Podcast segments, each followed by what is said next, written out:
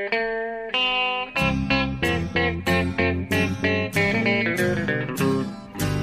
out there, we're on the air. It's hockey night tonight. Tension grows, the whistle blows, and the puck goes down the ice. The goalie jumps and the players bump, and the fans all go insane. Someone roars, Bobby scores at the good old hockey game. Oh, the good old hockey game is the best game you can name. And the best game you can name is the good old hockey game. Hallå, hallå, hallå, hallå, hallå, hallå, hallå, hallå. Det är dags för ett nytt avsnitt av NHL-podden och det här är faktiskt inte vilket avsnitt som helst Per Bjurman. Det här är avsnitt nummer 150. Wow! Ja, det hade jag glömt bort. Det, det, det, var ju, det är ju en milstolpe som vi får fira med, med några hurra, hurra, hurra för oss. Det är nästan en fanfar här som jag får lägga in. Ja, det tycker jag. Lite trumvirvel och Ja. eh, trumpetstötar.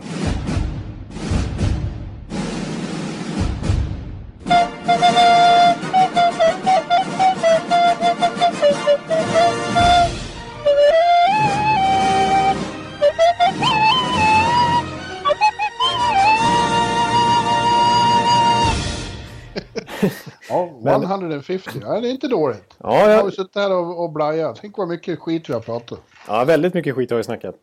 Många timmar i sträck Ja, har, det, ja. har det faktiskt blivit kan man säga. Men Och det är eh, drygt 150 timmar. Hur, my- hur mycket är det? ja, vissa, faktum är att vi har haft avsnitt som har varit 2.30 långa sånt där när vi har spelat in. Eh, Vår sista podd för säsongen brukar alltid vara att vi går igenom alla lag. Ja, Eh, och det brukar bli hiskeligt långt. Men annars är det, håller vi oss ungefär kring en timme tror jag. Så att, eh, ja. Men det Det kanske... är, sex, det är sex dygn ungefär i sträck som vi har pratat. Oh, du, sätter, du, du har lite mattekunskaper där du visar. Ja, jag, jag, jag visar att jag har en kalkylator på datorn.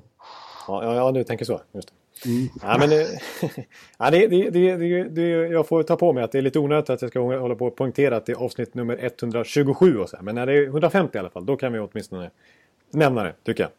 Vi firade 100, då var vi tillsammans på något vis någonstans. Var vi inte? Jo då. Eller nej, det var vi inte. Det var då jag var i... nu, eh, 50, då var vi ihop. Då var vi i Nashville. Då var vi ihop. Ja, vi var ihop.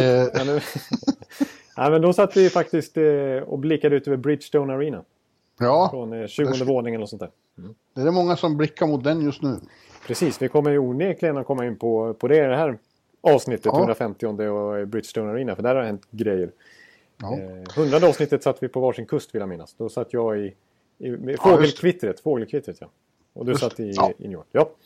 Ja, men det är ändå, ändå eh, en, eh, eh, en milstolpe som sagt. 150, det är en bra siffra. Ja. Jag är glad över den. Mitt i slutspelet dessutom. Så vi har, vi har ganska mycket vi, som vanligt att diskutera. Ja, vi kommer att bli fokus på de fyra serier som pågår fortfarande då. Men vi har lite, lite grejer som har hänt eh, sedan sist. Vi har till Mm. exempel haft ett eh, dra- draftlotteri här i helgen. Som Ja. inte gick som Jonathan Ekeliv hade hoppats på. Jag, jag fick ett sms några timmar före. Då hade du gjort en, en sån, ett sånt lotteri själv. Ja. Och då hade Tampa avancerat till andra plats. Men så blev det inte, utan det var andra lag som fick vara med om den sensationella resan. Ja. Eh, och skrällde i lotteriet. Ja, vi, bland annat var det faktiskt så att Philadelphia som eh, hade låg platsen framför Tampa som hade 13 störst chansen man ska säga då, medan Tampa hade 14. Så var det Och faktiskt där, Philadelphia. då är vi nere på 2-3 procents chans. Ja visst, då snackar vi verkligen minimal chans egentligen. Men Philadelphia, som en skänk från ovan här, så åker de upp från 13 till andra plats. Och Ja. de, var, de var inte ensamma om att göra en ordentlig resa. Nej, New Jersey och Dallas fick ju också topp tre där. Ja. Jersey allra först, eller hur? Jersey får first overall. Första gången sedan 70-talet någon gång som de faktiskt eh, Ja. får först. Och Dallas då som har haft en riktigt tung säsong som, som både du och jag hade som en eh, givet slutspelslag innan eh, vi Ja, ja. trodde att Jag de hade dem till och med som finalist om vi ska vara helt ärliga. Eh, sen har de haft en, en brutalt eh, trög säsong med mängder av skador och så vidare. Och försvarsspel som inte, och målvaktsspel som inte varit det bästa. Men eh, de fick lite plåster på såren i alla fall genom att få tredje, tredje valet då. Fan vad jag det. ångrar mig nu. Jag valde mellan dem och Nashville. Någon av dem tänkte jag kommer att skrälla i väst nu. När vi gjorde tipsen i oktober. Fan om jag hade tagit Nashville mot Pittsburgh. Då hade det sett bra ut. Du snackade ju upp Nashville enormt inför säsongen så det lät ju nästan på argumentationen som att du hade dem ännu, att det skulle vara en finalist. Men du valde Dallas där. Ja, vad dum i huvudet. Ja, det är alltid fel. Ja, men hur som helst. Det här lotteriet då. Eh, tyvärr för dem är det ju ingen eh, superomgång som de senaste två åren. Det är ingen Conor McDavid och ingen Austin Matthews som kommer att gå nu. Och inte ens en Jack Eichel eller Patrik Laine eller sådär. För det har ju Nej, varit det- otroligt det är inga- breda drafter. Ja. Ja, det är ingen sån generational draft. Men det är ändå de bästa i varje årskull är ju ändå, det kommer ju att bli NHL-spelare av fin rang. Ja, ja visst. Det, så har det ju varit egentligen. Så är det ju alltid nästan. Det finns ju bara några få undantag. Det senaste var ju faktiskt 2012 när Nile Jakubov valdes som Ja. first overall. Och det blev inte mycket av det. Och vi hade spelare som Ryan Murray och Alex Galchenyuk direkt efter det. Men annars så brukar ju liksom eh, first overall, eller till och med andra eller tredje valet, brukar ju vara givna toppspel NHL snabbt. Ja. Så att, och vi har ju ändå, det är ju inga liksom riktiga så här chansningar egentligen. Vi, vi, alltså nu, Nolan Patrick har ju länge sagt ska gå nummer ett. Eh, nu har han haft stora skadeproblem här senaste året. Eh, så det är ju lite illavarslande. Men det, han har varit hypad under en lång tid så man tror ju ändå att det ska kunna bli en, ett, ett, ett givet lyft för De- Devils som ny första center där på sikt. Ja. Eh, om de inte tar... Samtidigt, samtidigt har ju David sagt att de är ju... Om det dyker upp något bra alternativ så kan de ju tänka sig att eh, trada sitt första val. Det är ju lite spännande. Ja, det är ju det är ett statement att säga så. Eh, Men eh, om de inte väljer Nico Hischier heller då, som, det är väl de som är one-two punch som vi ska använda ett gammalt podduttryck. De som ska gå etta, den, första, den eh, största schweiziska talangen genom tiderna. Ja. Ja. Det där hinner vi återkomma. Det var Ja. Tråkigt i själva lotteriet var ju för dem då som hade otur och gick åt andra hållet istället. Till exempel, eller framförallt Colorado då som kom sist. Med 20 poängs marginal och sen förlorade lotteriet också. Det är lite, gry lite grymt. Ja, precis. Det var, det var, det var, man såg att Joe Sakic var ju inte helt bekväm när han satt där i, i tv-studion och skulle försöka hålla masken. Men, eh, och det är klart, Las Vegas som, eh, eller Vegas heter de ju bara, som eh, kommer in i ligan nu som hade tredje störst chans att få första valet som halkar ner då till sjätte. Ja. Och Arizona har också lite taskigt till va? Ja, de har ju sällan tur när det kommer till draftlotterier. De brukar ju alltid halka ur utanför topp tre om, om, det är, om det är så. Eh, så att det är lite typiskt faktiskt. Ja. Men andra sidan, det är svårt att kommentera. Det är ju ingen bedrift bakom. Det är ju bara tur och otur. Ja, precis. Och som jag tror det var säkert själv som nämnde också. Att, visst, de har 18 chans, eh, Colorado, störst chans att få eh, första valet och sen vidare andra och tredje valet också. Men, men samtidigt slår man ut det så är det ju större chans att de inte får det. Det är bara att de har störst chans av de 15 att få det. Ja. Så det, det, det, det var ju ganska naturligt egentligen att det blev som det blev. Och kanske inte just att det blev New Jersey, Dallas och Philadelphia, men ändå. Och jag tycker ändå att det visar lite grann att det här systemet fungerar. För det ska ju inte premieras att vara så kassa som Colorado var den här säsongen. Sämsta säsongen på 2000-talet nästan. Eh, så att, eh, då ska man inte bara tilldelas första valet hur som helst. Nej. Nej. Eh, så det, det tycker jag är bra. Jag vill säga om, om New Jersey där också att eh, och kanske Philadelphia också. Alltså, men om jag börjar med New Jersey så, så, så visst, det, kan, det kanske blir en liten... Eh, alltså, de, de, inför det här draftlotteriet såg det inte jättebra ut för dem. Men nu får de ändå första valet. De kommer få en riktigt bra spelare. Eh, eh, alltså, Ilja Kowalczyk, vi pratade ju lite det förra veckan. Men det, jag såg Elliot Friedman och LeBrun var ute och spekulerade lite grann där. Kanske en sån här grej kan få Kowalczyk att ändå tänka sig att spela i New Jersey. New Jersey liksom. Det vad jag har hört om det är att New Jersey, han kommer att... Eh, New Jersey kommer att tvinga honom, eller ja, de kommer att se till att han hamnar i Jersey, men han kommer aldrig att spela i Jersey, utan de kommer att trada honom. Ja, ja jo, jag, precis. Nej, men det är väl... Det har varit, jag tycker det har varit, man har läst både och från trovärdiga källor från båda sidor. Att, att, att han kommer att bli tradad, det är liksom inget snack om det. Men så också liksom, tycker jag ändå att ett antal tunga namn varit inne på att en sån här grej kanske kan få honom att tänka sig att skriva Nej, på. jag tror, jag, jag, grejen är att jag han ja, men jag är inte säker på att Jersey vill ha honom. Det för Nej, mycket... precis. Han är en svikare problem. i deras ögon. Ja, ja. Eh, Men däremot så är det ju intressant, jag trodde han var äldre, men han är bara 34, så det finns ju... eh, Det finns ju några, borde finnas några bra år till där. Han kommer från en poängmässigt stark säsong också här i superlaget eh, i Europa, det vill säga SK Sankt Petersburg. Eh, Covey. Skulle vilja ha honom i Tampa kanske? Eh, jag såg ju någon, från någon ryskt håll att han, han skulle helst vilja spela i New York-området eller i Florida. Alltså i Ja. delstaten Florida, Tampa eller Panthers. Ja. Ja. Men eh, jag vet inte. Nej. Men, eh, Nej, vad vet du egentligen? nej, vad precis exakt, vad vet jag egentligen. Men, men, men och sen har det liksom spekulerats i att Shero kommer gå stenhårt efter Shattenkirk också. Som vill ju spela i New York-området. Helst, helst i Rangers, men det är inte säkert att de kan lö, lö, lösa det rent lönetaksmässigt. Och där Nej. finns det ju mängder av löneutrymme i New Jersey. Och Shero är sugen på en till prestigevärvning där. Så, men Det tror jag det. Det tror jag det. Ja, hör du och sen. Så det här får du förklara för mig, för det här hände lite under radarn för mig. Jag, jag satt och, och höll, var upptagen med någon match och något intro av något slag när, när Scott Darling plötsligt blev klar, klar för Carolina. Och hur går det till innan, innan eh, fönstret är öppet så att säga? Eh, ja, nej, men det, det innebär helt enkelt att de, de bytte bort ett av sina draftval. De har ju, jag tror de hade 11 draftval i den kommande draften. Så de hade ju råd att offra ett tredje val, val i det här fallet. Då. Så, Jag trodde inte man fick hålla på och trada just nu. Jag trodde att det var Jo, liksom var stängt. Absolut, man får hålla på och trada. Grejen är att eh, när trade deadline är, när den, Mm. där, det innebär ju faktiskt inte att man inte får trada. Utan man får ju trada, fortsätta trada efter det. Enda, enda grejen som gör att det är en deadline det är att eh, du kan inte använda spelare i slutspelet efter det datumet. Efter, i, det var väl den första mars i år. Ja. Okej, jag förstår. Jag Så förstår. att, eh, det går att trada hur som helst eh, även nu. Eh, men det innebär ju då att eh, han är ju, blir ju free agent här i sommar, Scott Darling. Så att man hade ju kunnat få en gratis då av Carolina kanske. Men då hade de ju, nu har de ju å andra sidan förhandlingsrätt här fram till att kontraktet går ut. Så nu kan de ju signa upp han i lugn och ro här innan, innan sommarens första juli där när alla, blir, alla utgående kontrakt de facto Ja. löper ut. Ja. Ja, men han är väldigt bra. Han- Alltså, han, Antti Ranta och Grubauer är väl de bästa backup-målisarna i ligan. ja, precis. Det kan man väl säga. Nu har ju till och med en sån som Fleury visat lite... Ja, men han känns nästan inte som backup. Nej, Eh, precis. även om han är det. Men, eh, ja, men uttalade backups i alla fall. Så, eh, så tycker jag att de tre du nämnde där är, är högintressant. Och vi visste ju att, att Darling förmodligen skulle bli free agent nu. Liksom att, att eh, Chicago med det stora kontrakt man har på Corey Crawford, att han skulle vara valet naturligtvis. Men att Darling samtidigt är redo för en, en större uppgift och en högre lön än vad Chicago skulle kunna erbjuda.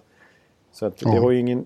Det var ju bara en fråga om vilket lag som skulle plocka honom då. Men Eh, det tyder ju på att, att Carolina verkligen ville ha dem när de går ut och bytte till sig hans rättigheter redan här i, i månadsskiftet april-maj. Liksom. Ja. Eh, och samtidigt så är det här en liten nådastöt eller någon, slags... Eh, eh, det här är ju inte så bra för Cam Ward och Eddie Leck. För båda har ju faktiskt kontrakt nästa år. Ja, Så någon ja, måste ju bort. Eh. Förmodligen. Eh, och båda sitter på ganska, ganska feta kontrakt ändå som inte bara är att skicka ner AH- AHL. Eh, Leck har ju 2,75 miljoner och Ward 3,3 tror jag, miljoner dollar i capita. Och jag tror faktiskt att det kan bli Eddie Leck som offras då. För de har ju hållit i Cam Ward så otroligt länge. Han är ju en klubbikon liksom. Ja, Så jag tror att det är Eddie Leck som de letar en tradepartner för i så fall. det hittar de säkert. Ja, han eh, spelar ju faktiskt upp sig i slutet av säsongen i alla fall. Och det är ju Ja. en, det är ju en, eh, en snubbe som hela NHL nästan känner till hans... eh, han är- Det är ju en god gubbe. Ja, det är det minsta man kan säga. En en tacoartist. Du har ju ätit hans taco nu, du vet hur god den är. Ja, visst. Den, jag har ju gett en 4 plus. Ja. Det är ett bra betyg. Men... eh, Ja. Ja, så jag tror att det är bra för, för eh, Carolina i alla fall. Jag är inte helt... Jag vill säga att jag är inte helt eh, säker på att Darling är någon superkeeper här. Men de var ju tvungna att göra något, något naturligtvis ändå tycker jag, Carolina. De kan inte gå in i en ny säsong och hoppas på både Leck och Ward. Som liksom, jag tror Darling ändå har lite högre ceiling då. Eh, Det är lite det är intressant att det går en, en, en expresslinje mellan Chicago och Raleigh. Det är många spelare som har gått från Chicago till Carolina senaste åren. Ja, vi hade ju uppmärksammat. Terrainen där. Ja. Ja, och det är Bickel och det är, Joakim Nordström och det är ja, eh, Victor Storberg som en gång var i Chicago Ja, var i Carolina. Det är Chicago eh, South. ja, faktiskt. Det, det har jag inte tänkt på, men det stämmer ju faktiskt. Ja, de har bra relation och kan göra business. Ja. Ja, men faktum är att eh, Carolina Mm. har ju haft, eh, jag tror det bara en gång de senaste fem åren som de inte legat eh, på, de, bland de sämsta fem i, to, i total räddningsprocent liksom, per säsong. Och det, det, är ju ingen, det vittnar ju inte om fantastiskt målvaktsspel eh, över, överlag de senaste 5-6 åren. Och senaste ännu mer än så kanske. Eh, så det är klart att, att Ron Francis var tvungen att agera på något vis. Ja, håll inte på att tänka för mycket på det nu. Nej. Apropå Eddie Leck så är ju han just nu i, i, hemma i Europa och eh, ingår i Tre Kronors VM-trupp. Och det är han ju inte ensam svensk NHL-stjärna eh, om att vara. den 16 blev klar häromdagen och det var ju då Nyllet, Lill-Nyllet William Nylander kommer hem också. Vi ska inte prata mycket om VM här, men det är bara lite anmärkningsvärt att 16 NHL-spelare eh, ingår i truppen och det måste ju vara ett rekord för fan. Ja, det är, som jag läste rätt så är det ju rekord. Ja. För Sverige. Eh. Ja, och nu tror jag det, det är väldigt bra att de fick klart med nyllet också, för de, de har mycket i den här truppen och framförallt har de en enorm backsida, men mm. vad som kanske har saknats fram till nu då är lite spets på forwardsidan, men det har de ju fått med Ville. En riktig powerplay-specialist som kan ja. Ja. verkligen leda där och som är en poängspelare i, ute i fingerspetsarna. Så att, ja, precis. Annars har det varit lite skickliga tvåvägsspelare som Kryger och Nordström och sådär. Ja. Eh, men nu får de en riktig, riktig sån offensiv spjutspets.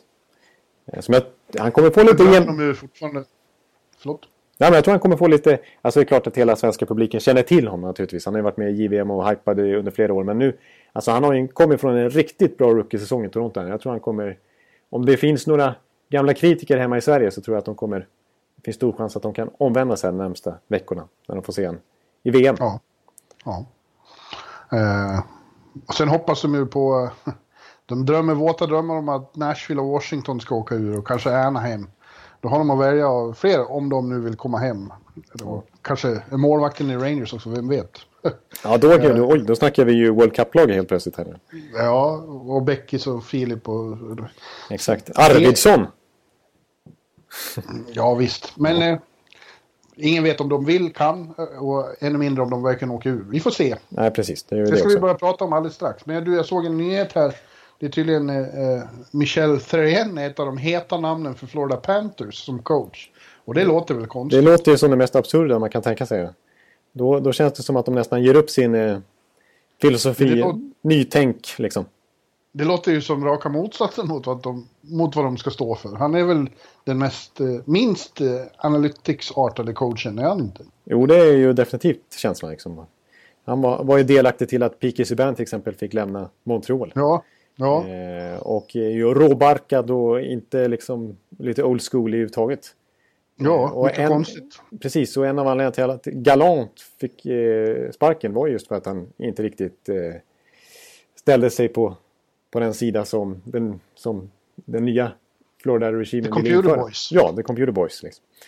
Så det, det, det, man vet ju aldrig om det, om det cirkulerar uppgifter så kanske det finns någon slags sanning i det men det låter ju helt absurt. Ja. Det, ja. Nej, men jag, VM i alla fall ser jag fram emot att, att titta på. Annars brukar jag inte gå igång så mycket på de här första matcherna mot Botswana och Sri Lanka eller vad det är. men ja, eh, nu kanske man kan tänka sig att titta på det. Kommer Botswana alltså till, till Nej, nej, nej, det gör de Nej, men det är väl, de, jag menar, de, Lettland och... De har bra, de har bra forechecking. Ja. Nej, men eh, det, det, då får man faktiskt, eh, då blir det hockey eh, dygnet runt här med NHL på nätterna och så lite VM på dagarna. Ja, du har ju alla Tampa-spelare där så du lär väl titta på ja, dem. Ja, just det. Ja, precis. Och jag kollar ju på Syracuse dessutom. Men de är vidare nu vet du. Så att, jag kollar, följer även Calder Cup-slutspelet. Ja, du har en del att stå i. Jag har mycket att stå i. Det. Men det allra viktigaste är Stanley Cup-slutspelet. Titta vilken övergång det blev där. Ja, det är, det är snyggt. Värdigt det 150 avsnittet. Ja. Ja, och där har vi fyra serier som, eh, om som rullar på här och eh, vi ska ju såklart ta och fördjupa oss i dem nu. Och mm. börjar med, som vanligt i öst, och där vi har enda matchen ikväll efter det här avsnittet är inspelat. Den eh, eh fjärde matchen, tredje matchen mellan Washington och Pittsburgh. Och nu är det Pittsburgh som har hemmaplan efter att ha slagit Washington två gånger i, i Verizon Center. Och jag tänker säga så här, jag håller på att skriva ett, ett, ett, ett intro i bloggen inför den här matchen. Och ska fortsätta med det när vi, har spelat, när vi är klara med den inspelningen. Mm. Jag hävdar att det här är, matchen ikväll är den viktigaste Washington Capitals har spelat under hela Ovechkin-eran. Oh, det är inget dåligt statement alltså. Men, men jag, jag, ja, du får Nej. utveckla lite grann, men jag förstår hur du tänker. Men du får, ja. Ja, det har ju varit nu, nu eller aldrig många gånger de här senaste tio åren, men, men så här skarpt läge som det är nu, om de hamnar i 0-3 underläge nu, hopplöst mot Ja. regerande mästarna, då är det ju kört. Då är det över. Mm. Och då är det nästan så att den här eran är lite över också, eller riskerar att vara över i alla fall. För att eh, det, det måste hända saker i sommar. De har massor med eh, UFAs. Justin Williams försvinner säkert. TJ Oshie försvinner. Jag tror han försvinner. Mm. Ja, eh, ingen vet vad som händer med Ovechkin himself med, med det här med OS och så. Hur, Ja, just det. Det är, ett, reagerar. det är värt att poängtera åtminstone. Vi vet ju inte hur det, hur det, hur, det Ja, och det är sig. också... Det är också några som, ja de blir ju äldre liksom. De har backat eh, Orpik och Altsner och det börjar kännas som sista chansen för dem. Gång på gång.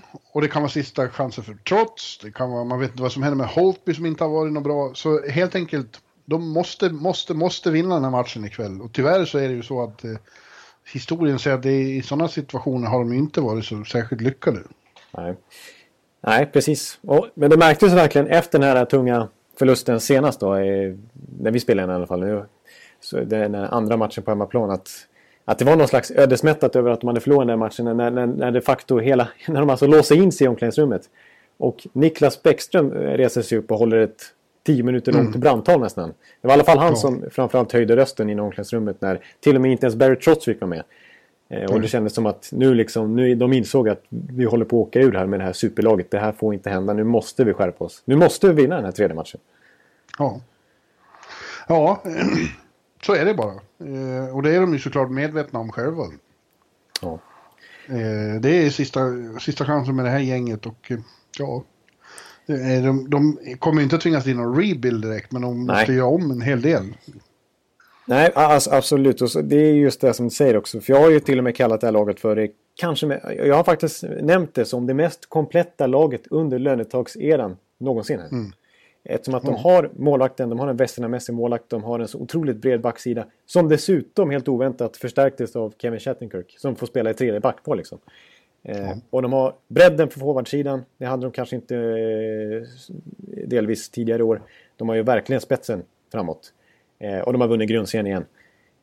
Och det här är alltså sista chansen. För, för i sommar så går det så här. Jag menar, vi har ju en sån som Kuznetsov tjänar ju väldigt lite nu i och med att det är ett... Det är väl fortfarande ett entry level kontrakt han sitter på tror jag. Och Andrei Burakovsky. Så det, det är här uppenbara löneförhöjningar som kommer. Så det går inte att ha ett sånt här bra lag under lönetaket. Det här är det, Det var ju- ultimata.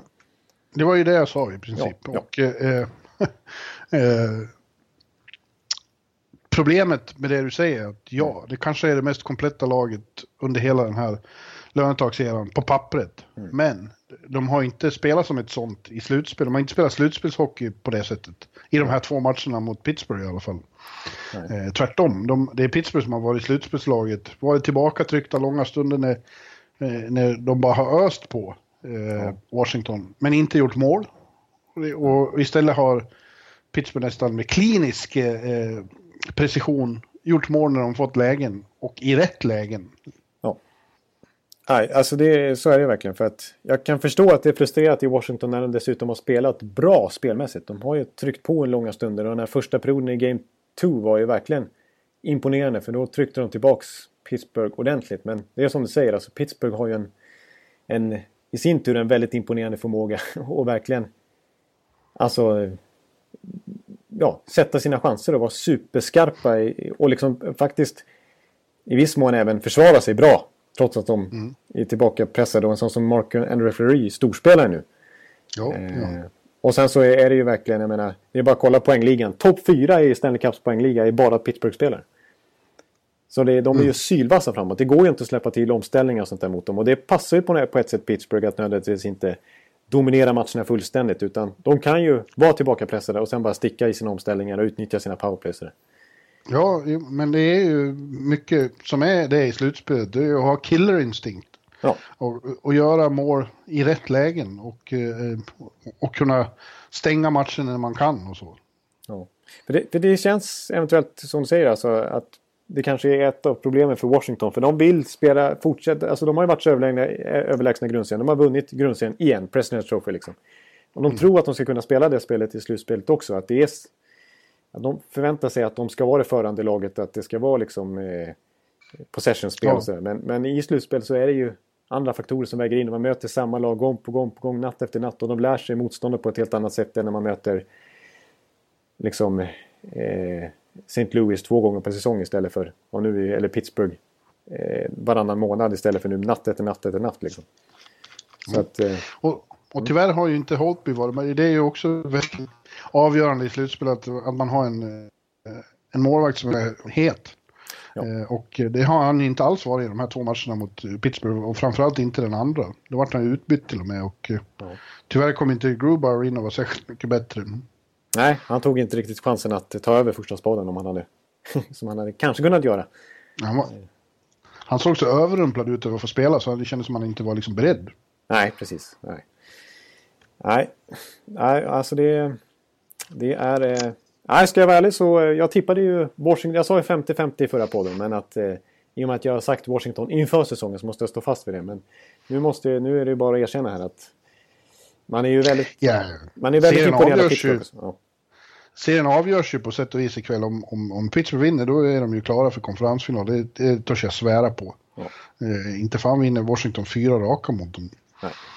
Eh, så att, du, ja, ja, igen, de måste vinna den här matchen. Ja. Ja. Ja, men samtidigt eh, får man väl eh, gå in på lite, ja vi har ju redan varit inne lite på det, men alltså det är, man, det är ju bara slående imponerande Pittsburgh alltså. Igen. Trots alla sina skador. Ja, det är det de som är så sjukt alltså. De har eh, sin under säsongen då backup-målvakt får man ändå kalla honom. Det är ju Matt Murray som är första valet i Pittsburgh. Men nu har ju Mark-André Fleury gått in och gör sitt kanske bästa slutspel sedan 2009. Mm. Eh, och vi har, eh, jag menar, Letang är borta. De, deras, jag menar, deras första back är borta. Och visst, de blir nedtryckta stund. Jag tycker det märks att de har inte riktigt den här... eh, De har ju inte en Nashville backuppsättning direkt, eller en Washington backuppsättning. Men de spelar enkelt, de tar sig ur zonen till slut och de, de boxar ut allt vad det heter i egen zon för att freda Fleury. Så att Ja. de gör det bättre än väntat där. Precis som förra året när man var lite skeptisk till backuppsättningen. Och sen så framåt då så är ju... sen- ja, det, Ja, de har ju, de gånger jag pratade med på telefon här med, med Hörnqvist och Hagelin. Hagelin gjorde ju comeback här senast, så det var kul att få prata med honom. Han har ju gått skadad sedan 10 mars han. just det. Mm. Eh, eh, och ja, ja, de, de kommer tillbaka till samma sak. Att vi, vi har Crosby och Malkin, det är ingen annan som har det.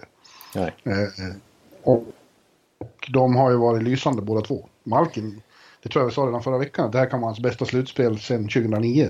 Ja. ja, exakt. Nej, han har ju varit helt otrolig. Det är ju han som leder poängligan. Fortfarande också. Ja. Ja. Men nu skuggas han ju ännu närmare av eh, både Crosby och Kessel. Och så är ju faktiskt Gensel leder skytteligan med sina sju mål på sju matcher. ja, en före Jakob Silfverberg som är ensam tvåa. Ja, just det. Det ser Det ska vi återkomma till. Ja. nej, så att... Eh, ja, nej, ja, ja, och visst, man, alltså, det, det vill jag också poängtera här. Så inte för att på något sätt förringa superspelare som Ovechkin och Bäckström och som jag var inne på i förra podden också. Att det inte nödvändigtvis deras fel den här eran att det inte gått vägen. För de har ju bra statistik i slutspel båda två. Men det är ju inget snack om att Malkin Crosby, det är nästan oslagbart att ha en sån duo. Det är ju Ja. ändå, det är ändå NHLs one-two punch nummer ett. Ja. Det är ju the Ja, ja, two-headed det, monster. är, det är bara så. Ja. När, när de blir, kommer upp i varv på, på det här sättet, båda två samtidigt, då, då är det inte lätt för någon. Nej. Men jag, vill, jag kom på en sak till jag, ville poängtera med Pittsburgh som jag tänkte på. Det är att, för nu känns de ju så otroligt kompakta och så bra och så sylvassa som slutspelslag här. Att de har blivit riktigt slutspelslag liksom.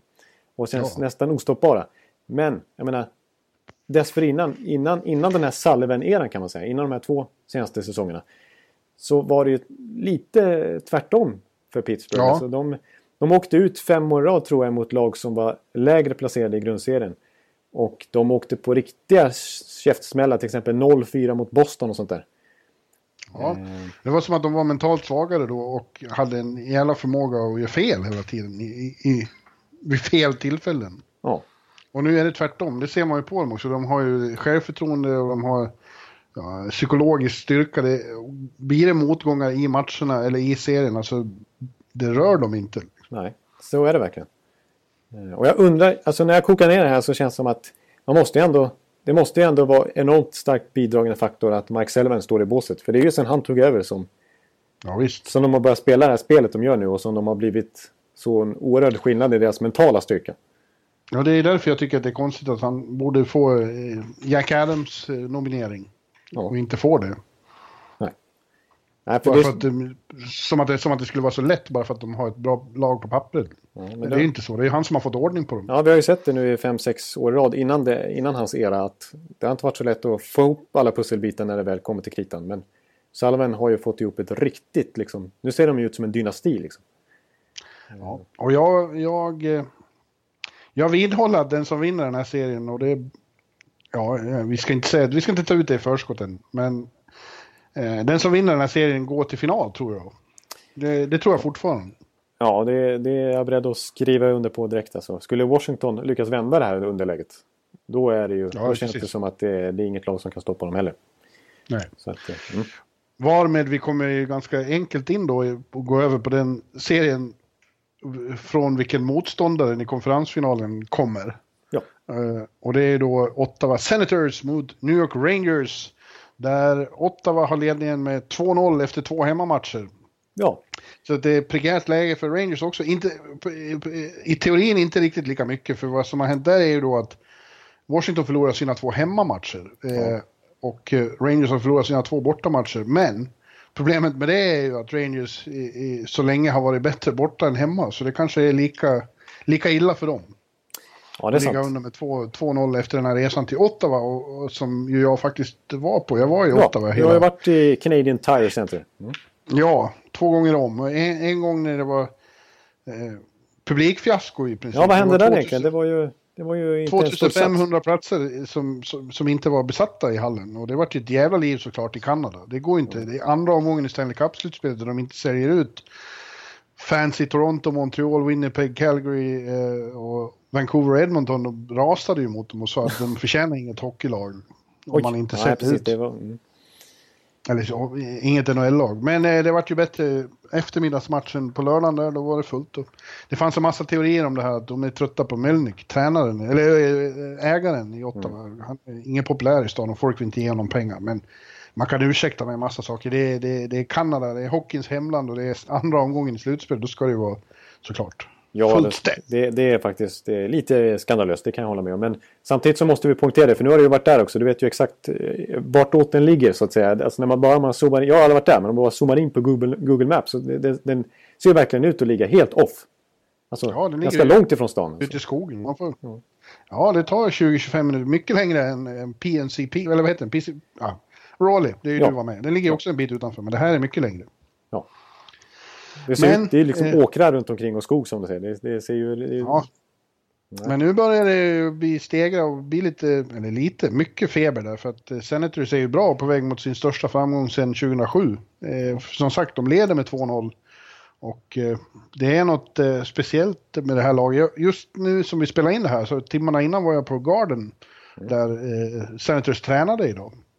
Oh, trevligt. Mm. Ja, Rangers var uppe i Tarrytown, på tal om mitt i skogen. Men eh, Ot- Ottawa var här på Garden, så jag gick på Garden. Och, och ja, man ska inte läsa in för mycket i sånt här, vad jag känner och upplever. Men, Jodå, det gör men, jag. eh, men jag, jag har sett lag förut i slutspel och de, de, de, de, jag får för mig att det är rätt sorts känsla. De är jävligt avslappnade, de är jävligt... Eh, har en feel känsla utan, utan att bli för upphetsade över vad de har ställt till med. De vet att det, det är enormt mycket som återstår, men de har rätt sorts eh, relax, relaxade attityd, tycker jag det känns som. Ja, det låter ju oerhört lovande. Och jag kommer ihåg att i förra vår preview-podd så eh, när jag argumenterade så hade jag starka argument för att Rangers skulle gå vidare. Men samtidigt tippade jag Ottawa just lite på grund av den här känslan kring laget. Att det liksom... Mm. Och jag var ju dum nog att tippa Rangers. Jag har återigen gått ifrån dem. Innan slutspelet började sa jag ju att Ottawa kommer att gå till konferensfinal för att det är Ja, det ju och-. Jag fattar inte att jag inte höll fast vid det. Och man borde ha sett det nu alltså. Alla matcher mot Boston var uddamålssegrar och båda de här matcherna är uddamålssegrar. Ja. Och då kan man ju säga så här, ja vilket flyt de har. Men det är ju aldrig någon tillfällighet att ett lag vinner jämna matcher hela tiden. Nej, för då är det ju ett mönster liksom. Alltså de, de Ja. har ju en oerhörd eh, vinnarinstinkt då helt enkelt. Att det är, de kanske inte är så överlägsna i matcherna direkt, men de... Ja, nu, nu, sa jag, nu höll jag på att säga en riktig klyscha, den klassiska att de hittar en väg att vinna. Jag hatar mig själv. Ja men jag så. har gick och tänkte på det idag också. Alltså det är ju, låter ju så töntigt. Ja. Men det är svårt att hitta på något annat. De gör ju det. Ja, för det, det, De, de har inte, som de själva konstaterat, den här andra matchen i lördags, det var ju en av de konstigaste hockeymatcher jag har sett. Den kändes ja. som den var eh, unglued. Det var ingenting som var som det skulle liksom. Nej, det, bara... det var liksom konstiga mål hit och short-handed mål dit och det var, och det var, ja, det var hämta ikapp alltså, underläge här och där. Strukturen försvann ur matchen liksom, och båda ja. målvakterna hade en betydligt mindre lyckad dag än vad de hade tänkt sig. Ja. Eh, och vi får en fyra målsskytt. Ja, och det är, inte, det är liksom inte, inte Mike Hoffman som gör fyra mål utan det är alltså Jean-Gabriel Pajot av alla. Pajot ja. ja. Som 24 fram. år och glad kille kom ut på presskonferensen efteråt och de frågade kände du på det att det skulle vara något magiskt på gång? Nej, jag trodde jag hade ätit för mycket. Ja, just det. Jag såg det också. Jag, jag drog i mig två chicken parm för att vara orolig att jag skulle käka för mycket. Men nu måste han ju alltid köra den dieten inför matcherna. Liksom. Eller som, som Ottawa Sun skrev då. Först åt han två chicken parm, så gick han ut och feasted on the Rangers. Oh, ja de kan ju sina vänner Holmare de alltså. Ja, och... Eh, ja, eh, det ska bli intressant att se fortsättningen på det här. Tar de 3-0 ledning nu, samma sak för Rangers, då är det över för dem. Ja. Eh, jag, tycker, ja, jag tycker fortfarande det är konstigt. Jag tycker egentligen att Rangers som helhet är, är ett bättre lag. Liksom. Ja, det eh, skriver jag under på. Borde, borde ha större chans att, att hävda sig i den här serien. Men det har bara varit perioder när det har känts som de har haft kontroll över någonting. Ofta då fem mot fem. För det har varit väldigt sönderslitet av utvisningar också. Ja, ja det stämmer. Eh, men, men eh, en grej som, man, som Raiders-fansen eller stör sig på verkligen det är ju hur Vigneault matchar laget. De tycker ja. att han borde kunna få ut mer och att han liksom Alltså det faktum då att, det har vi varit inne på under hela slutspelet här, de två, tre poddar vi har spelat in. Men just det här backparet med Stall Holden. Det är, mm. ju, inte, det är ju inte direkt eh, P.K. Subban Roma Josie-klass på det liksom. Utan, Nej, det ska, det ska gudarna veta. Utan det och istället så, så, så, spelar han, eh, eh, vad heter han, Smith och... Ja, eh, Brady Shea och, och, och Brendan Smith har ju, har ju varit bra. Alltså riktigt bra. Ja. I den här senaste matchen så var ju Brady Shea, det var ju en riktigt, riktigt fin match för honom. Han gjorde väl två mål. Eh, varav det ena målet så blockade han ju bort först ett två mot en läge i defensiv zon. Sen vände Rangers-spelet och han dyker upp där och gör mål igen. Ja. Eh, och så, men vad händer då? I, i, när de väl, det blev ju double overtime där, men han spelar ju knappt någonting. De, bänk, de bänkar ju... Vigneault bänkade ja. i princip det backparet för Holden Ståhl istället. Och det var just det backparet som var inne på isen när Peugeot satte sitt fjärde mål och avgjorde matchen. Och de var faktiskt inne på tre baklängesmål. Ja, det är jävligt konstigt. Alltså, han, det är något väldigt envist och, och snudd på arrogant över honom. Att han... Eh, han eh, spelar sina veteraner, han sätter sån enorm tillit till sina, sina veteraner så man blir, man blir eh, paff. Liksom. Ja. Eh, det var ju faktiskt lika i Vancouver har det påpekats på flera håll här.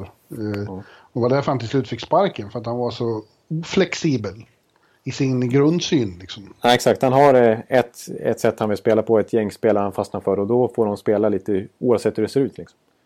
Ja, ja, somliga känns som de har väldigt långt koppel. Liksom. Ja.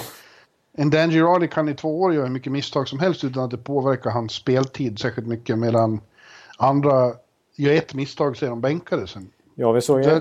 Alltså, det är jävligt konstigt den här, ändå.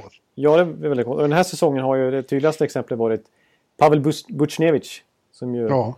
Eh, ändå imponerat sett till sin speltid. Alltså han har ju producerat väl och liksom...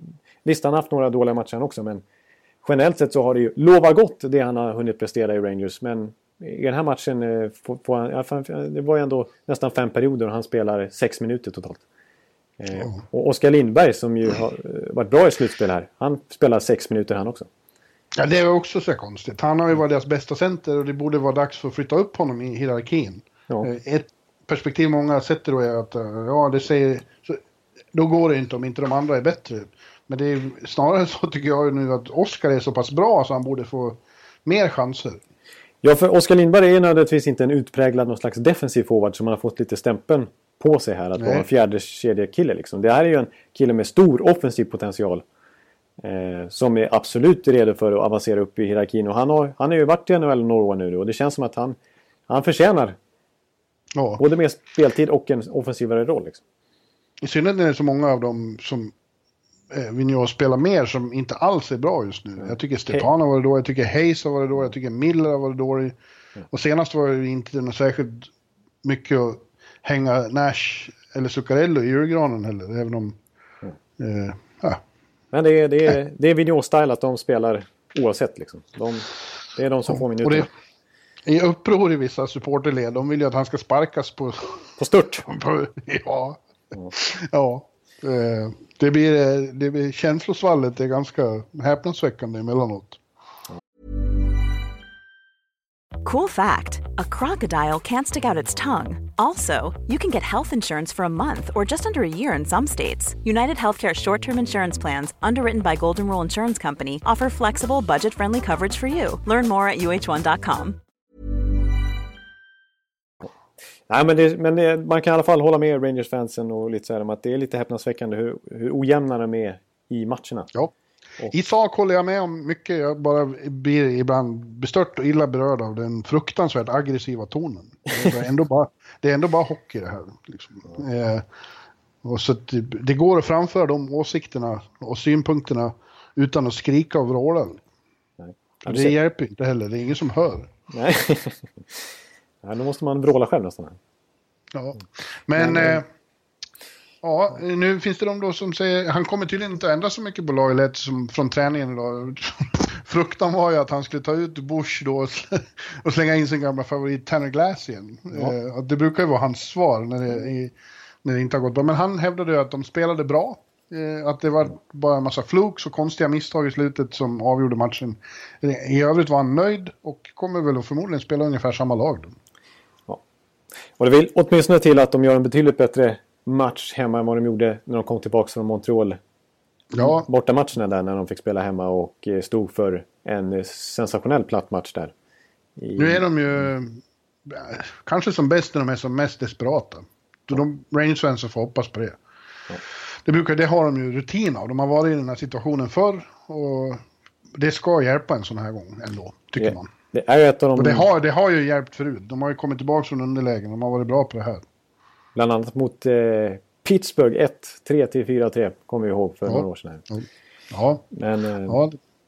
Men eh, Ottawa då, vi ska inte glömma bort dem. Vi måste ju prata lite Erik också. Det är lite speciellt med Erik för att eh, han är ju uppenbart det syntes i andra matchen framförallt att eh, den här skadan i foten är ju, ger ju honom svåra bekymmer. ja. Det var ju lite oväntat då att han gick ut och, och så uppenbart eh, förklarade hur det stod till och vad skadan Ja. var för någonting. Ja. Och nu har han fått lite smällar och prata sånt lika där. mycket, nu vill han inte prata lika mycket om det, men det syns ju att han, han grimaserar, han försvann ut i omklädningsrummet. Han får ju sprutor liksom. Ja.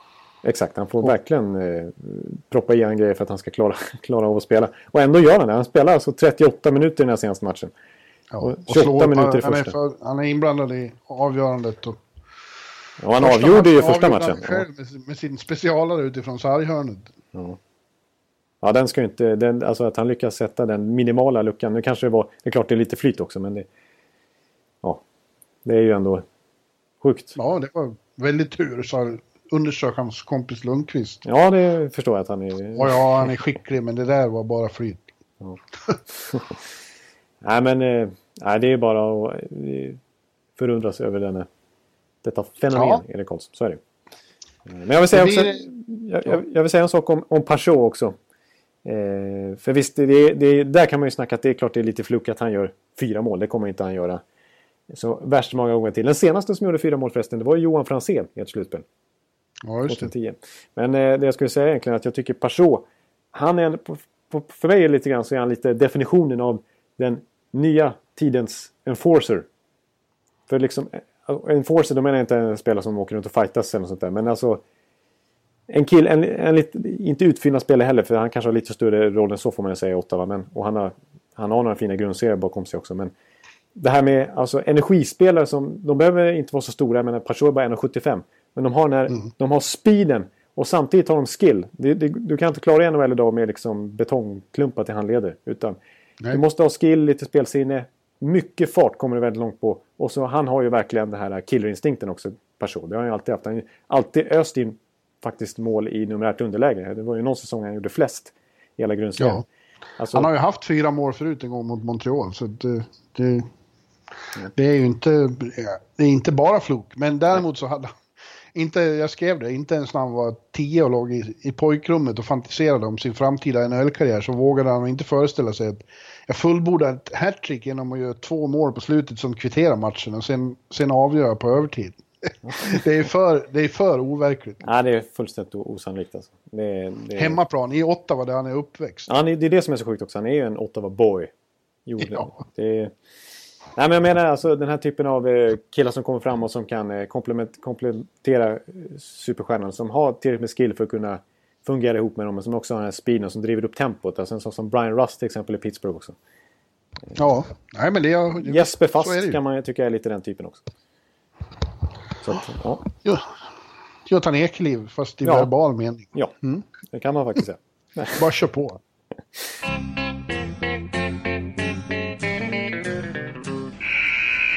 Ja, men nu får vi ta och, och vända nunan västerut. För där har vi mm. också två eh, serier som rasar för fullt och eh, igår, söndag, så tog Nashville ledningen med 2-1 i serien mot eh, St. Louis med en, som jag tyckte, utomordentlig insats hemma i Bridgestone Arena. Ja, det, det får man säga. Det var eh, Inget snack om saken i den matchen. Även om det kanske blev lite dramatiskt eh, in på tredje perioden. Jo, det var ju lite snack. Det var det som var så intressant med den insatsen tycker jag. Att de, I andra perioden tog de över något så fruktansvärt och spelade så in i helvete bra hockey tyckte jag, Nashville. Ja, Öste på. Det blev ändå ingen utdelning fast de ledde med 15-0 i skott i den perioden. Och sen gör St. Louis ett, ändå en reducering på sitt enda, enda skott. Eh, ja. Och eh, då händer det, då är det ju väldigt vanligt att, man liksom, att luften går ur, att man blir frustrerad och så, men inte alls. De bara fortsatte på samma sätt och eh, avgjorde till slut efter ett byte, när de gjorde tre, det bytet pågick i flera minuter nere i, i, i St. Louis zon. Som Filip sa på telefon, vi hann få in tre kedjor under samma press. Liksom. Ja, det är faktiskt rätt ovanligt. Speciellt i tredje perioden när det ändå är nära för motståndarlaget att byta.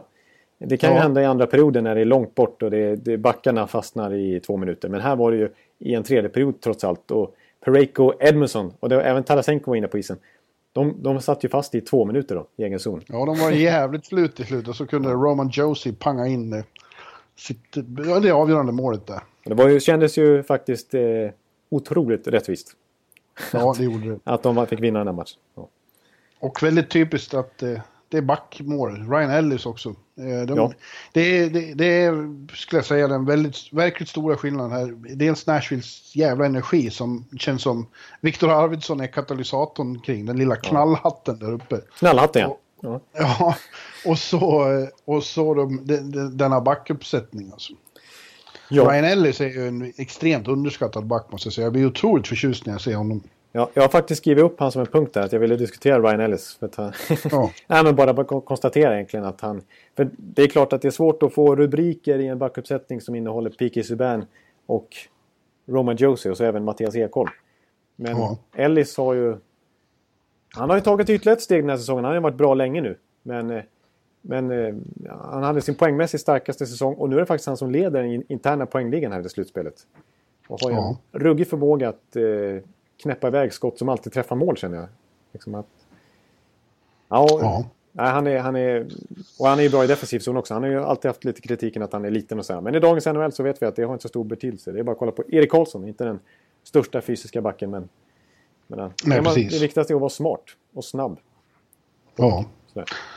Ja, och så har de ja, den här kedjan också, alltså Jofa-kedjan med Arvidsson och Filip och, och Ryan Johansson när de sätter igång ibland så är det den mest dynamiska kedjan i hela slutspelet, tycker jag. Ja. Ja, men jag kan hålla med. För nu, och där måste vi ändå även lyfta fram Johansson liksom, som det känns som. Eh, inte minst när han har fått de här två kedjekamraterna vid sin sida. Så han lyfts ju också. För att hade ett hyfsat trögt första säsong trots allt i Nashville. Imponerade inte i förra årets slutspel mm. till exempel. Men nu och framförallt senaste månaderna bara här så tycker jag att eh, Johansson har liksom visat prov på den här att han är en första center. Och det var ju mycket snack, framförallt i början av säsongen när Columbus gick så bra, att oj vad de vann den där traden, Seth Jones. Men det här ja. är verkligen en win-win, alltså båda fick det de behövde. För att Nashville har ju fortfarande NHLs kanske bästa backuppsättning. Men de fick sin första center och nu är han en första center. Johansson. Ja, exakt. Och eh, Och vi har ju varit imponerade av att de har tagit såna tunga skarper på bortaplan. De tog båda United Center, de tog den första i Scott Trade. Sen förlorade de ju en match, det var första gången. Jaha, kanske inte... Kanske blir störs av det och inte har känt på att förlora än, men de kommer tillbaka och spelar ännu bättre på hemmaplan. Liksom. De känns jävligt svårslagna i Bridgestone. Ja, precis. Och det är ju, det, det, det har ju du och jag känt på. Du är ännu fler gånger än jag har gjort. Men det, jag var ju där på en sket, två sketna grundseriematcher i jämförelse. Men det, även då tyckte jag att det var bra tryck. Alltså, Ja, är, ja, de har ett enormt eh, stöd. Nu börjar det bli riktigt hett med hockey i Nashville. ja, nu är liksom börjar countrygänget gå igång här också. Ja, precis. Precis, countryartisterna dyker upp och eh, massa fotbollsspelare från Titans och sånt. Jag ska vara där och, och trigga igång. Det är liksom, det är ju, nu är ju Predators the talk of the town här plötsligt i Ja, countrystaden. Liksom. Och tar de en till och får 3-1 eh, överläge och slagläge, och då jävlar.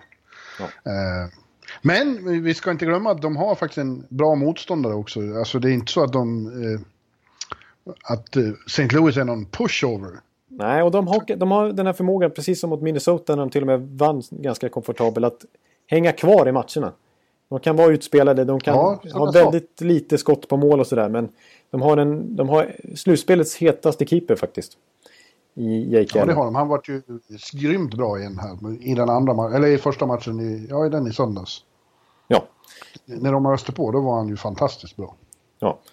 Eh, och faktum är, man kan kolla liksom på lite underliggande siffror också, att de är ju trots allt, de har ju bra system eh, som St. Joe har tagit över där. Eh, de, dels har de ju ganska bra backar i Bowmister och Peter Andrew och, och både Pareko och Edmondson. Och Carl Gunnarsson, jag tror knappt Carl Gunnarsson, han har inte varit inne på så jag tror han har varit inne på ett baklängesmål totalt i slutspelet, Gunnarsson faktiskt. Ja. Eh, men eh, de, de, de, har, de har, det är väldigt, väldigt få skott framför målet. Alltså i, när, i slottet, alltså precis framför mm. Allen när det kommer till returer och frilägen och farliga chanser som dyker upp precis i närheten av honom. Där är de ju grymma på att boxa ut och få ut puckarna och inte låta motståndarna komma in på kassan. Liksom. Nej. De, är, de är svåra Men, att eh, vara... Ja. Ja, och som du sa, eh, alltså det, det tog, det var, hade gått, eh, vad var det, 12-13 minuter när de gjorde sitt, fick iväg sitt första skott i andra perioden där och det gick in. ja. Exakt. Eh, och det var väl Sten, Sten som styrde in det. Och, det är ju ett slutspelslag då liksom som tar vara på de chanser som dyker upp. Det blir inte så många i en sån match. Nej, precis. Men de är svåra att skaka av sig. Jag trodde dock, eller det tror jag fortfarande, att det var illavarslande för Nashville att eh, Tarasenko kom ju igång i, i andra matchen i, i, Ja. i St. Louis. För det, det, var, det var han som avgjorde så är det farligt, farligt. För han är ju den typen, irrationell typ som kan liksom gå in och, och stjäla matcher själv. Med, Ja. sin, med sitt artisteri. Precis, och jag tyckte han gjorde det till exempel i den där... Ja, han gjorde ju två snygga mål i den där matchen. Eh, eh, Game 2 där. Och jag, till exempel, de fick ju... Det var ju en, ett matchstraff där. Var det Fiddler tror jag, i, i den andra matchen. Och så fick de spela powerplay fem minuter. Och det, är låst, det var låst och det kändes som att St. Louis inte fick till det liksom. I, i powerplay. Men så till slut så bara får de loss pucken till Tarasenko och så bara åker, åker han in där och snärtar upp ett Ja. elitskott. Ja. Och så är det eh, liksom mål för St. Louis. Ja. Eh, Ja, han var bra även i den här matchen eh, nu de förlorade, den andra. Ja. Det Den tredje! Den tredje. Fan, jag har svårt. Det är inte lätt att hålla koll på alla matcher här nu. Nej, han, var, han, var, han var het då också, ja. tycker jag. Ja. Och det är inte över. Alltså, skulle St. Louis klara av att kvittera nu i nästa match, då, Mm. då, vet, då är det, står det och väger verkligen. Ja, visst. Ja, visst. Eh, men ja, nej, jag måste ändå säga att, eh, att Nashville har verkligen imponerat på mig och jag tror att de kommer ta den här serien. Eh, det, och, ja, det, de är så pass bra nu att, alltså att och förstärkt naturligtvis i och med den här e- e- enorma Chicago-segern, 4-0 i matcher. Att shit, det kan ju faktiskt bli final. Minst. Ja, de gör, de gör väldigt starkt intryck på mig också. Och eh, de inte ens eh, kom av sig särskilt mycket av den otäcka skadan på Kevin Fiala. Den var ju väldigt Just det. hemsk. Just det, det var ju... Han, han, han bröt, eh, bröt lårbenet. Ja, det, är ju fr- fruktansvärt. Det gick väl i princip rakt av. Och han är färdigspelad för säsongen. Det kommer att ta, vad sa de, 16 månader att komma tillbaka helt och Oj, hållet. oj, oj. det. Ja, det är katastrofnyheter alltså. Det är... Nej, det var ju... Det är Tur ju... han är så ung, han hinner ju komma tillbaka. Så hade en gammal spelare hade karriären varit över.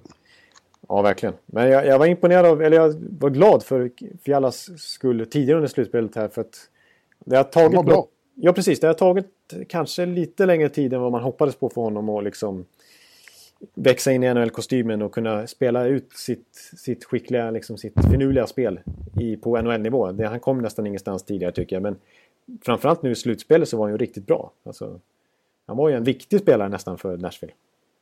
Ja, absolut. Men de har klarat av det med och ibland är det ju sånt där som händer och så blir det liksom man, man lag samlas kring det där liksom. Nu ska vi göra det för honom. Uh, Du vet, Rangers Ja, absolut. för, för några år sedan med, med, med San Louis mamma och så. Och lite grann som jag har varit inne på med Ottawa här också. Alla deras struggles med, med Craig Andersons eh, cancersjuka Mm. Ja, ja, absolut. Ja, så att, eh, Absolut. Men jag, en, en sak jag vill Ja. understryka med bara med det här med backarna i, i Nashville. det, är, det är alltså att dels har jag då att Ellis leder den interna poängligan. Men av, i den här serien mot St. Louis hittills så har 11 poäng kommit från forwards och 11 poäng från backar. Det är ju inte vanligt att backar är så otroligt involverade. I, eh, Nej. och jag tror jag läste någonstans också att, av de 13 av de 14 senaste målen så har en back poäng. Så att det är... Snacka om världsklass backuppsättning alltså. Ja. Det är bara att konstatera. ja, men du säger att Nashville ska gå vidare till konferensfinal och där får de i så fall då möta antingen Anaheim Ducks eller Edmonton Oilers. Eh, det var ju också lite, den inleddes ju med lite chock när eh, Edmonton tar båda matcherna i Honda Center och, och hade chansen att gå upp i 3-0-ledning igår natt. Eh, första matchen hemma i, i Rogers Play som var fullständigt, eh, de har ju fått eh, Stanley Cup-feber som, som liknar ingenting i Edmonton. Men där tog det stopp, där visade Anaheim klassen om hur man gör när man kommer tillbaka från underläge och har förlorat två hemmamatcher. De, eh, eh, de sopade till dem med 6-3. Ja, det gör de. Eh, det var ju ändå lite imponerande faktiskt. De hade ju 3-0 överläge dessutom som blev 3-3. Ja, kom Och, och då tillbaka i alla tänkte fall. man, ja, då tänkte man oj nu är det gamla Boudreau-dags här som är i farten. Men eh, nej, då, då stängde de igen butiken och så eh, drog de ifrån till 6-3 då. Eh, och man, jag, jag var lite rädd också att, Och ja, men att, att de skulle åkt på lite, att det skulle, den här adversity som man snackar om, alltså att det skulle ha stört dem ordentligt där. För de har ju faktiskt inte förlorat två raka matcher i ordinarie tid sen grundseriestarten då de förlorade två. Sen dess har de ju, och de hade ju inte förlorat en match under ordinarie tid sen mitten av mars. Så att det var ju nytt för dem att helt plötsligt förlora. Eh, två matcher i rad dessutom. Eh, så, och, och det fanns lite frågetecken. Det konstiga med, med Anaheim just nu i det här slutspelet är att deras boxplay inte alls fungerar. Annars är ju Anaheim det lag sett de senaste säsongerna som har överlägset bäst boxplay-statistik. Eh, De har bara 66 procent, det vill säga var tredje powerplay, eh, boxplay så blir det mål. Och John Gibson har väl inte varit strålande vass heller. Nej, din gamla favorit. Jag kommer aldrig Ja. sluta säga att han är din gamla favorit. Ja. så, men samtidigt så, så spelar de ju rätt bra i de här båda hemmamatcherna vill jag poängtera.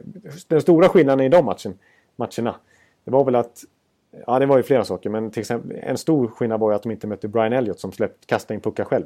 Utan de, de mötte Cam Talbot som stod på huvudet i båda matcherna kan man säga. Framförallt andra kanske. Eh, och så mötte de ett Edmonton som till skillnad från Calgary och som kanske man måste ändå inse i ett slutspel att man kan... Calgary vill ju dominera matcherna. De vann ju ofta skotten mot Anaheim. Eh, och ville, föra, ville liksom göra anspråk på att föra spelet. Men Edmonton, eh, Todd McLennans filosofi lite här, även mot San Jose har ju varit att tajta till försvarsspelet och, och fick, ha, ha, utnyttja powerplay och vara bra i omställningar och sådär. Eh, Och det, det hade Anaheim svårt att hantera faktiskt. Det var ett annat lag de mötte jämfört med första rundan. Jag tycker det är imponerande med Edmonton är att de eh, vinner på så mycket olika sätt. Ja. Fast de är så här unga. Alltså de, de kan vara förande och, och dominera och vinna. De kan vara helt utspelade och vinna. De kan komma tillbaks från, från 0-7 knockar som den mot San Jose när man trodde att nu är de knäckta. Kommer tillbaks och vinner. Och de kan eh, vinna fast de har momentum sen tidigare. Eh, jag tycker det är, är det kanske mest anmärkningsvärda med dem. För det, så brukar inte unga orutinerade lag vara. Nej, precis. precis. Och det, det har varit många utropstecken för Edmonton i det här slutspelet tycker jag. Så vi tror, vi, inför så sa vi väl att ska Edmonton, Edmonton komma någonstans så är det ju, måste ju Conor McDavid vara grym. Liksom. Han måste ju vara Conn Smythe. Mm. Messi liksom. Men han har ju varit bra, ver- verkligen i slutspelet. Han gjorde ju ett supermål här i Game 3. När han vände ut och in på Ja. Va- Vatanen. Och, Ja, det slutar med att Vatanen är på väg åt ett helt annat håll medan McDavid redan har vänt. Det är Ja, ett av de snyggaste målen i hela slutspelet, ja, absolut. alltså, och, och skill-wise, liksom, kvali- kvaliteten på det. Det är inte många som har. Alltså när jag skridskoåker, just den där vändningen, det går ju inte att lära sig. Utan det är Jag, jag pratade just med Viktor Ståhlberg om det här efter Ottawas träning och han bara suckade och sa "Fan, det är så orättvist. Man, man jobbar så jävla hårt. Helt, och man har ingen chans att göra en sån där sak. Det är för jävligt. och man, är- men det, det går liksom inte att skälla på Vatanen heller. Vad ska han göra? Det, det, det är omöjligt. Vad ska han göra liksom? Så det, det, det, så, det går så fort i den där vändningen, liksom, i det där rycket. Det ska inte gå att transportera kroppen så snabbt från en håll till ett annat. Och få fart med sig dessutom. Nej, nej, det var underbart. Men, men, men vad gäller McDavid, sure, han, han har inte dominerat som i grundserien, det kan han ju inte heller. Men de har ju tjänat på Edmonton att motståndarna eh, ägnar sån enorm tid på att neutralisera honom. Vilket ju motståndarna måste göra. Men det har ju också frigjort andra. Liksom. Det är ju det svåra i den ekvationen. Att då, då ly- lyfter, om de är tillräckligt bra, då lyfter ju andra och gör saker istället. Ja. och så har det ju varit. Det, alltså vi, som det har poängterats i, i förra podden här, fick lite bassning för vad jag, vad jag sagt tidigare där med Nugent Hopkins. Han har ju faktiskt varit bra det här slutspelet. Och, Du, du kommer aldrig över om någon har haft rätt mot dig. nej precis, exakt. Nej, jag, håller, jag håller helt med där. Alltså det, och han har också dragit fördel lite grann av att eh, matchups och så här. Viss, visserligen har han fått gå mot tuffa spelare också, men, men det har ju ändå varit en fördel. Och en sån som Dreisaitl som gjorde, vad gjorde han, fyra poäng i en av matcherna här. Eh, de, de har ju fler skickliga spelare naturligtvis än Conor McDavid. Och eh, Ja. det har, det har, alltså, men det, de har fått progression från många olika håll. Vi, vi pratar ju om, jag menar, eh, Zach Cashen i, i första, första rundan där. Och så eh, Mark Letesto har ju varit bra till exempel. Alltså det, det, Och Adam Larsson Ja. blev tvåmålsskytt och, och fick för sig att han var Bobby Orr och åkte från, från egen förlängd mållinje ända upp och satte en puck. ja, ja alltså och visst. Ja, Adam Larsson är ju, är ju det, det var imponerande. Två, tre poäng i den här matchen. Första matchen. Ja. Eh, Och snygga, Ja. snyggt, snyggt mål och sådär. Men, men eh, jag är väldigt imponerad överhuvudtaget. Då. Vi har pratat mycket om Klefbom och hans fina utveckling och framfart och, som första back nu i Edmonton. Här, hela säsongen har vi ju nästan pratat om det. Men eh, jag må, jag måste ändå understryka Adam Larsson också. Som ju kom in med så höga krav, alltså så märkliga krav på sig efter att ha blivit traded mot Taylor Hall. Som vissa kallar för den sämsta traden någonsin. Eh, hur- liksom, och att Adam Larsson är ju inte tillnärmelsevis på samma nivå som Taylor Hall på, på respektive position. Men ja, Adam Larsson är, har verkligen imponerat på mig. Alltså visst, han var bra förra säsongen i, i New Jersey också när han tog ett kliv framåt. Men jag tycker han är en, alltså som shutdown-back så är han toppklass. Redan nu vill jag Ja. påstå. Alltså han är, han är så, han, är, han har ju bra skridskoåkning. Han har ju en, en väldig kroppshydda. Och han är väldigt svårpasserad.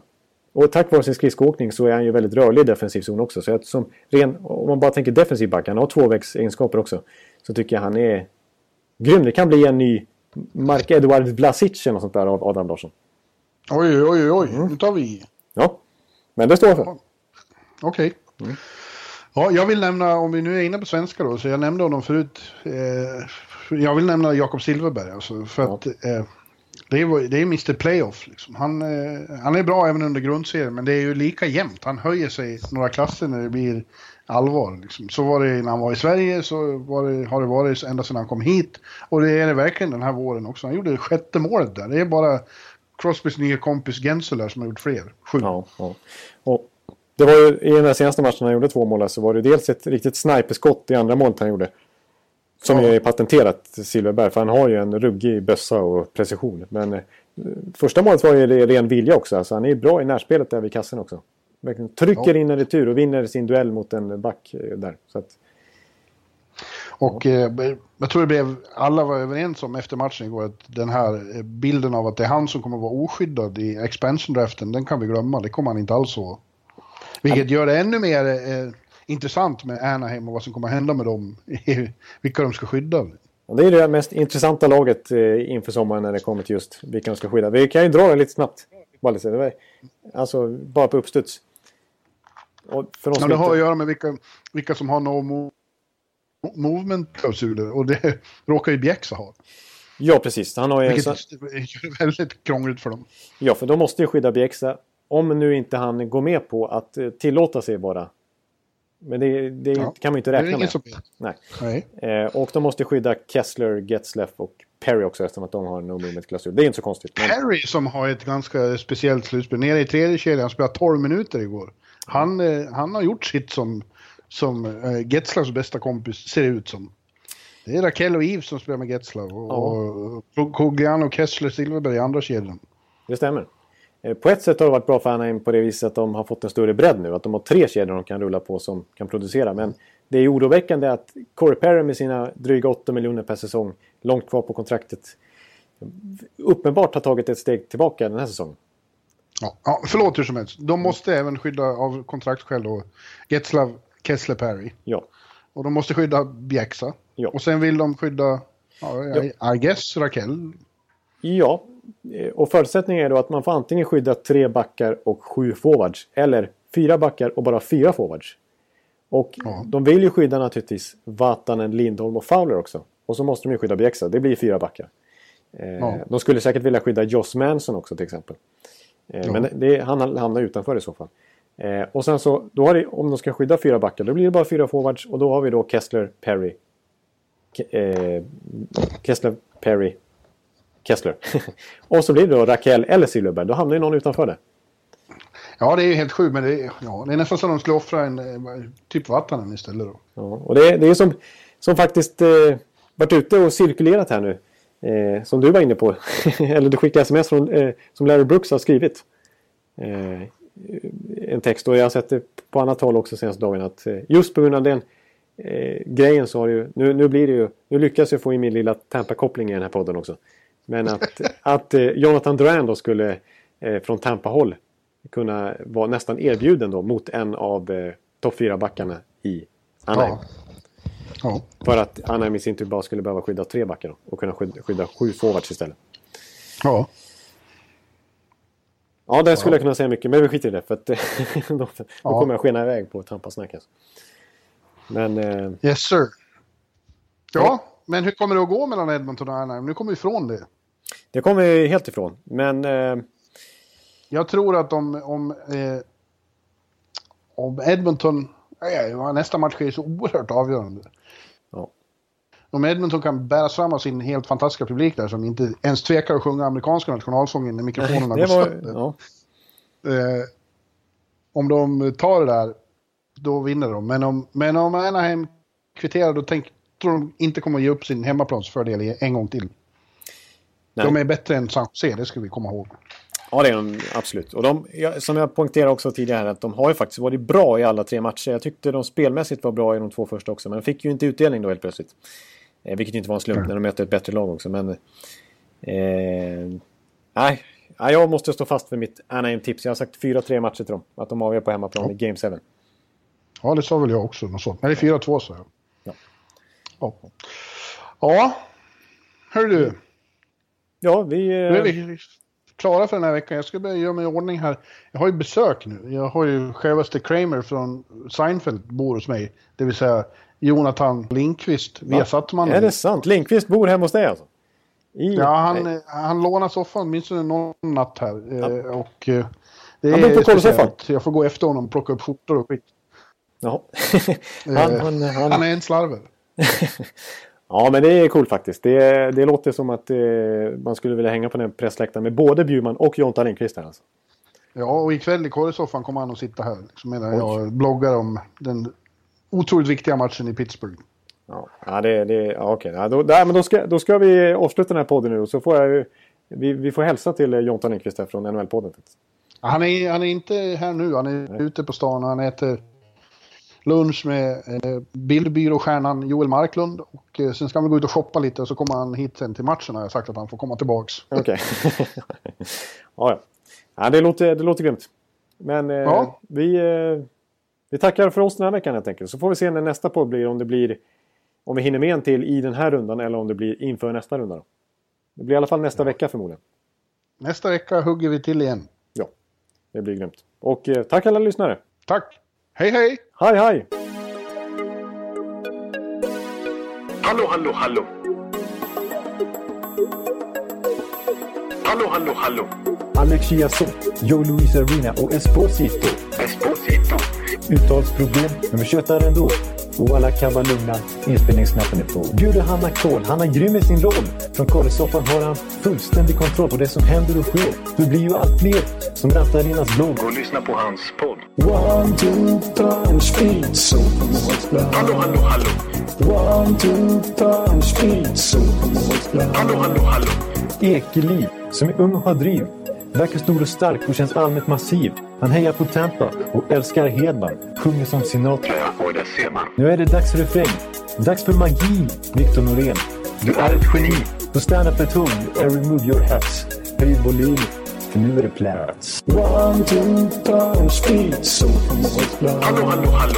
One, two, punch, speed, so Hallå, hallå, hallå. One, two, punch, speed, so Hallå, hallå, hallå. One, two, punch, speed, so Hallå, hallå, hallå. Det är otroligt länge sedan båda samtidigt var så här bra. Hallå, hallå, hallå. Det är otroligt länge sedan båda samtidigt var så här bra.